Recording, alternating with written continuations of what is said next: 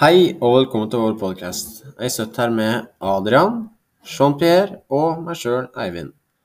Dette er en helt ny podkast som skal snakke om nyreligioner. I denne episoden skal vi snakke om bahai. Da er det bare å lene seg tilbake i stolen og nyte en god pod om bahai.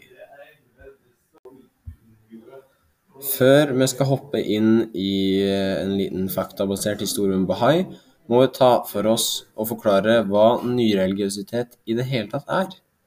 Nyreligiøsitet er en betegnelse for i hovedsak nye religioner og nye religiøse trender i Vesten. Særlig om religioner og religiøsitet basert på i og for seg gamle religioner. Da, Jean-Pierre, hva er det bahai-religionen går ut på? Ja, uh, det går um, uh, i hovedsak på islam og hinduisme. Bahai har ni høytider i året, uh, f.eks. Redvan, men vi uttales Rezvan. Uh, den faste varer i tolv dager, fra 21. april til 2. mai. I, I 1863 forsynte Baha'u'llah at han var Guds, gudsmann på jorda. Det ble startet på Bahai-religion. Man leser tekster, er sammen, har det hyggelig med familien. Tilhengerne kalles bahaier.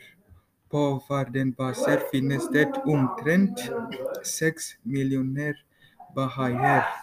Religion er spredt over hele verden, men de fleste bor i Asia. Norge, I Norge er bahai et registrert tromsamfunn med om lag 1200 medlemmer i 2013. Da skal jeg snakke om hvorfor bahai ble oppstå, og budskapet til bahai. Grunnen til at bahai oppsto, var at på ca.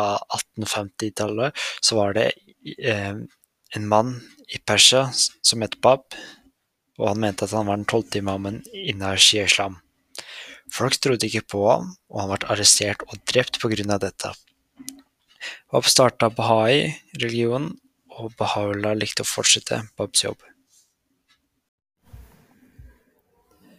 Noen av budskapene eller prinsippene til Bahai er at um, skal ha selvstendig søken eller sannheten, skolegang for alle, like rettigheter mellom kvinner og menn, avskaffelse av alle slags fordommer, utjamning mellom fattige og rike, altså liten forskjell mellom fattige og rike, og harmoni mellom religion og vitenskap.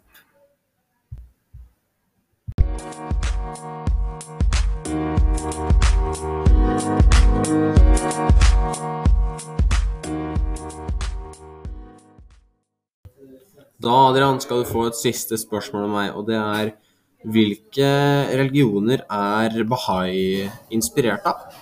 Bahai er eh, inspirert for det meste av islam og hinduismen, som tidligere sagt i sendinga, men er også inspirert av andre store religioner som kristendommen, jødedommen og buddhismen. Da skal jeg faktisk si noen ord om de største forskjellene mellom islam og bahai. Største forskjellene som finnes mellom islam og bahai, ligger på troen på Gud og Guds manifestasjoner.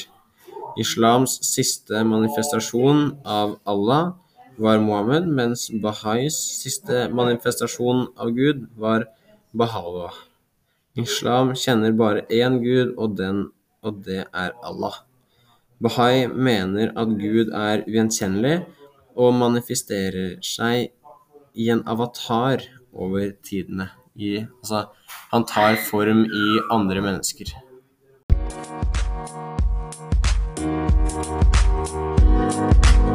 Thank